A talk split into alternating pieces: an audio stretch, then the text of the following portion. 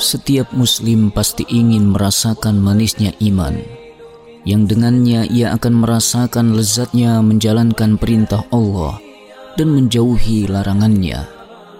Ia juga akan memiliki daya tahan untuk menghadapi rintangan dalam menggapai ridho Allah dan ia juga akan lebih mengutamakan ridhonya daripada kesenangan dunia. Rasulullah Shallallahu Alaihi Wasallam telah menjelaskan tiga hal yang jika dimiliki oleh seorang muslim maka ia akan memperoleh manisnya iman.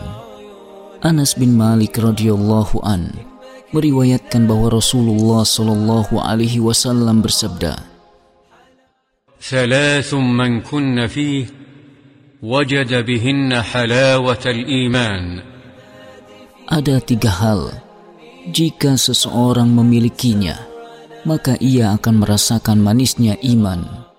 أن يكون الله ورسوله أحب إليه مما سواهما وأن يحب المرء لا يحبه إلا لله وأن يكره أن يعود في الكفر بعد أن أنقذه الله منه كما يكره أن يقذف في النار yaitu lebih mencintai Allah dan Rasulnya dari selain keduanya, mencintai seseorang hanya karena Allah, dan benci kembali kepada kekufuran, sebagaimana bencinya ia jika dilempar ke dalam api neraka.